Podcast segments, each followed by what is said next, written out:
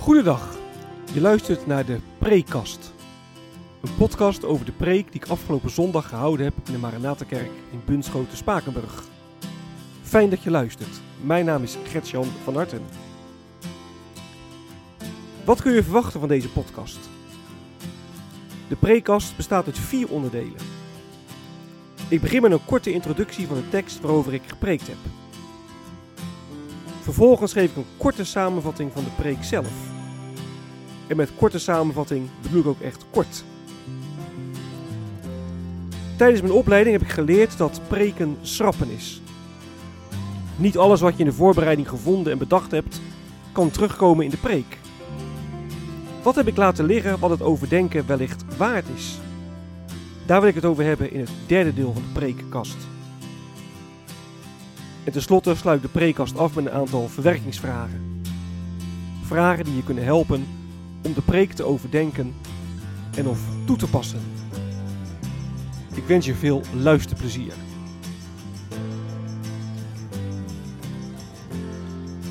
De tekst.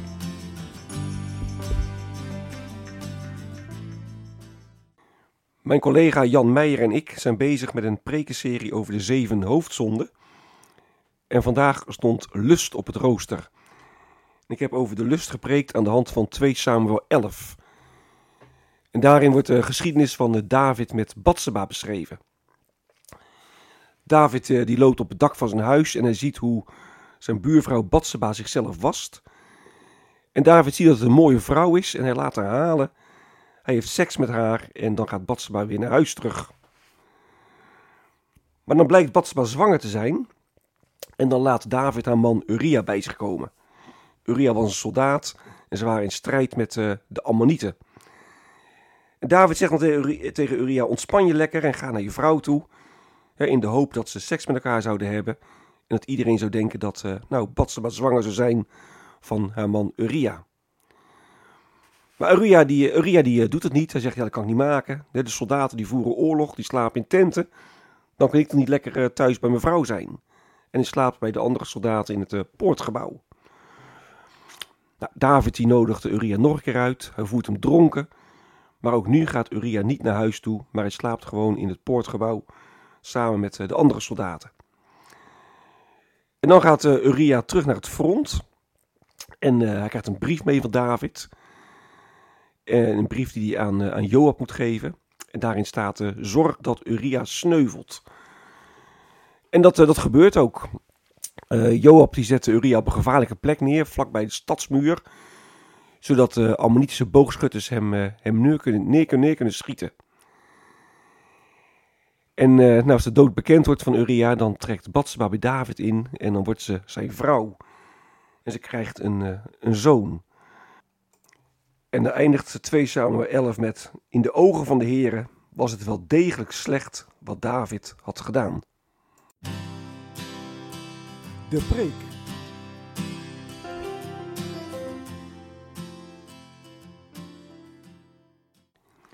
Wees sterker dan je lust. Dat is het thema van de preek.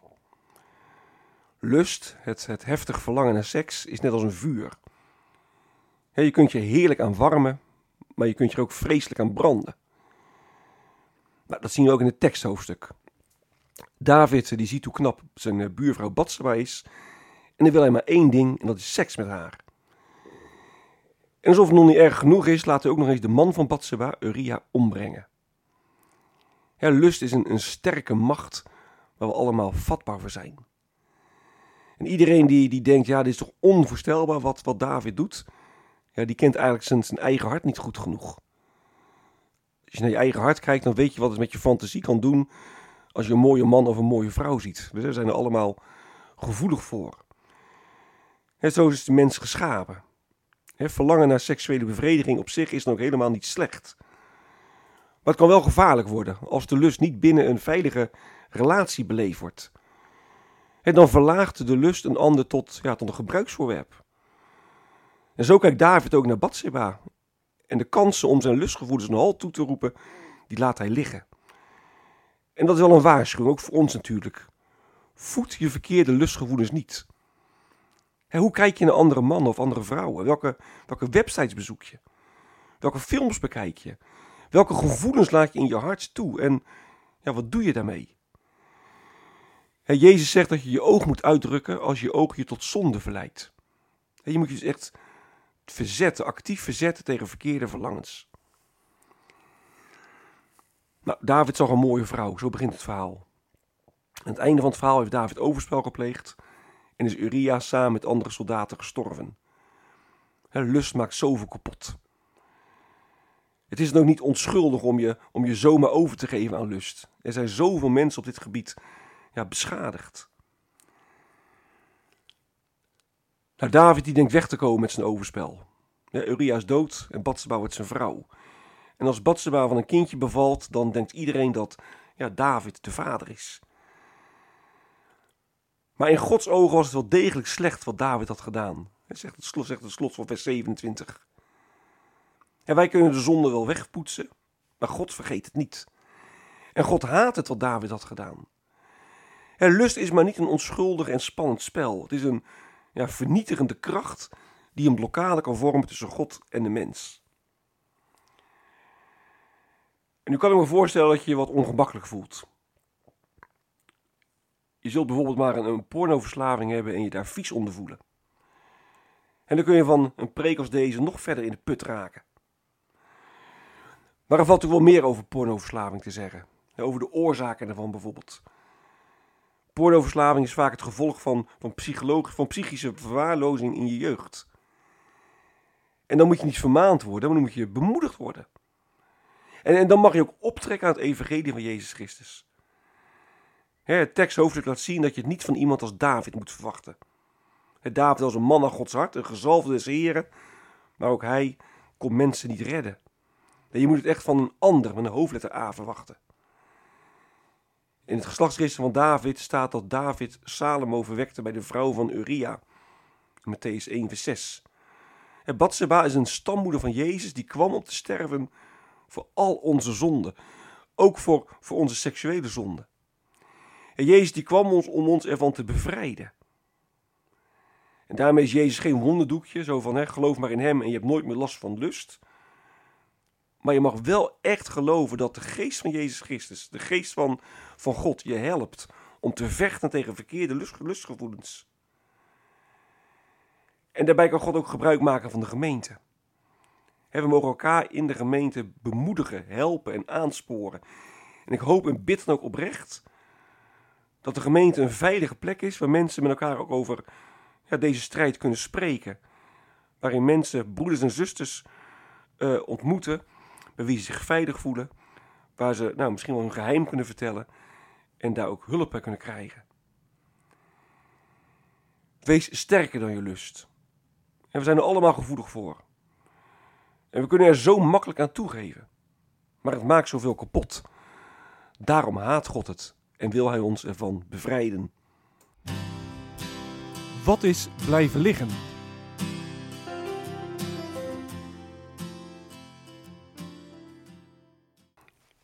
In een eh, aantal commentaren wordt de vraag gesteld of David op dat moment wel in Jeruzalem mocht zijn. En moest hij niet, niet meevechten met zijn soldaten?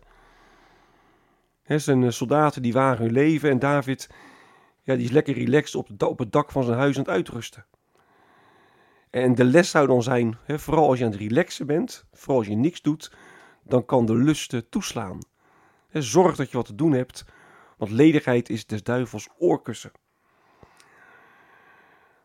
Nou, ik denk dat de Bijbel wel, wel anders uh, spreekt over rust.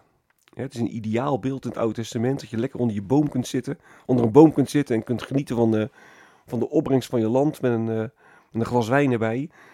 Dus rust op zich, nee, ik geloof niet dat dat verkeerd is.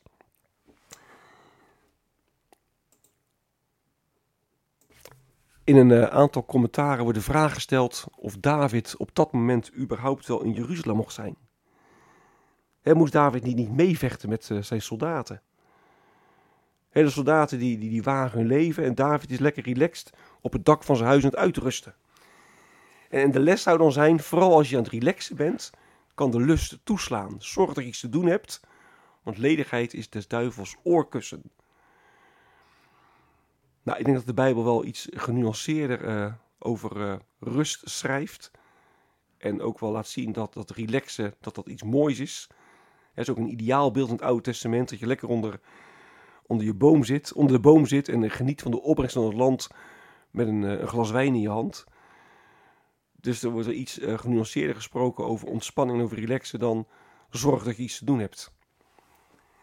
Het tweede wat ik wil noemen is dat in de Joodse traditie David wel verdedigd wordt. Hè. David die zou hier helemaal geen overspel hebben gepleegd. dat zou deze man naar Gods hart nooit kunnen doen. En er wordt er gezegd, uh, Uriah die was in oorlog met de Ammonieten, was de hele tijd van huis. En Bathsheba, ja, die, die dacht dat hij gesneuveld was. Ze dacht dat hij niet meer leefde. Ze dacht dat ze weduwe was. Of er wordt er gezegd, uh, Bathsheba en Uriah die waren gescheiden voordat Uriah wegging. Want Uriah, ja, die ging naar de oorlog toe. En die wilde voordat hij uh, wegging alles juridisch goed regelen. Want stel je voor dat hij zou sneuvelen. Dus daarom kun je beter maar scheiden. Dat was het allemaal goed geregeld. En dan zouden ze weer trouwen als hij levend terug zou komen. Anderen zeggen weer, ja maar Uriah die had een slecht huwelijk. Dat blijkt wel uit het feit dat hij niet bij haar ging slapen toen hij in Jeruzalem was. Terwijl hij die mogelijkheid wel had. Dus dat huwelijk, ja, dat stelde helemaal niet zoveel voor. Kijk, en dat dan het slot van het hoofdstuk zegt van, dat het niet goed was in de ogen van de Heer. Dat, dat slaat alleen maar om het, om het ombrengen van Uria. Dat Uria moest sterven. Dat was dus de, de, zonde van David. Niet dat hij overspel gepleegd zou hebben met, met Batseba. Maar goed, dan wordt natuurlijk aan voorbij gegaan dat de Bijbel heel eerlijk is. En, en ook verkeerde daden van van gelovigen niet, niet, niet wegmoffelt of het niet mooier maakt dan het is. In de Bijbel worden de gelovigen in alle menselijke gebrekkigheid en onvolkomenheden getekend. Het volgende wat ik wil noemen is de tegenstelling tussen David en uh, Uria. David was uh, de gezalfde koning des heren, een Gods hart, terwijl Uria, staat een aantal keer expliciet, expliciet zo benoemd, een Hethiet was, uh, een heiden. Maar deze heiden die leeft in moreel opzicht beter dan, nou, dan de gezalfde koning. Kijk, David die geeft zich over aan zijn lust. En hij bedriegt de boel. En hij laat Uria ombrengen. Maar Uria die weigert om bij zijn vrouw te slapen. Hij is solidair met, met andere soldaten. Uria, de heiden, de Hethiet, die denkt niet alleen maar aan zijn eigen grief. En zo is de heiden Uria hier een, een lichtend voorbeeld. Terwijl David, de man naar Gods hart, ja, een waarschuwend voorbeeld is. Nou, het laatste wat ik wil noemen is dat er een aantal commentaren zijn waar ook, waarin ook uh, Bathsheba beschuldigd wordt. er wordt gezegd waarom uh, ging zij in de tuin uh, baden. ze wist dat ze gezien kon worden. En met andere woorden, ze heeft het gedrag van David ja, uitgelokt. En ze gaat naar David toe. En ze wist best dat David haar niet uitgenodigd had voor een kopje koffie. En toch ging ze naar hem toe. En dan trouwt ze ook nog een keer met hem als Uria uh, gestorven is. Oftewel, um, nou, heeft ook wel een groot aandeel in dit verhaal. Maar dan uh, vergeten, en dan vergeten echt dus aanhalingstekens, dan vergeet, vergeten de commentatoren dat het hier niet om overspel van Batseba gaat, maar om overspel en seksueel misbruik van David. Batseba is slachtoffer. David was koning, David was machtig. En Batsba die, ja, die, die kon hem niet weigeren. David die, die maakte misbruik van zijn macht. En had nooit kunnen zeggen, nee koning, ik kom niet. En na de dood van een man had ze geen enkele bestaanszekerheid. En ze moest wel met David trouwen. Nou, je kunt ook een, een preek vanuit Batsba opzetten. Maar dan krijg je niet een preek over lust. Maar dan krijg je een preek over seksueel misbruik en over de gevolgen ervan. En je hebt een hele ja, andere preek. verwerkingsvragen.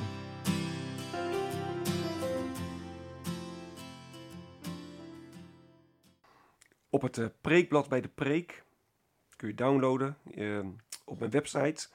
Even googelen, Gertjan van Harten preekblad. Daar heb ik een aantal uh, vragen en een stelling opgenomen.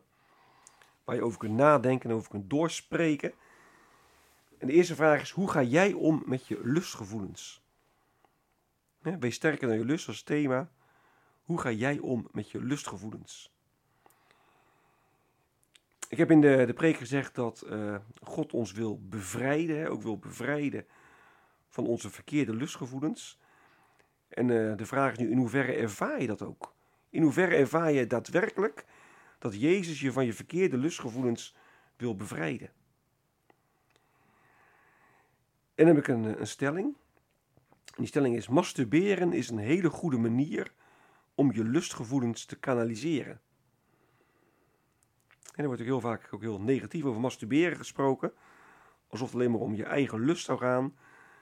Maar ik zou graag de stelling neer willen leggen: masturberen is een hele goede manier om je lustgevoelens te kanaliseren. En de laatste vraag is, is: onze gemeente een veilige plek om hulp te zoeken als je moeilijk met je lustgevoelens kunt omgaan? Is onze gemeente een veilige plek om hulp te zoeken als je moeilijk met je lustgevoelens kunt omgaan? Nou, ook in de kerk zijn er heel wat mensen die worstelen met een, met een pornoverslaving. Voor wie het echt bevrijdend zou zijn als ze daar met mensen over zouden kunnen praten. Als mensen uh, hen zouden kunnen helpen. Maar zijn we een, uh, een gemeente die veilig genoeg is om dat aan de orde te stellen?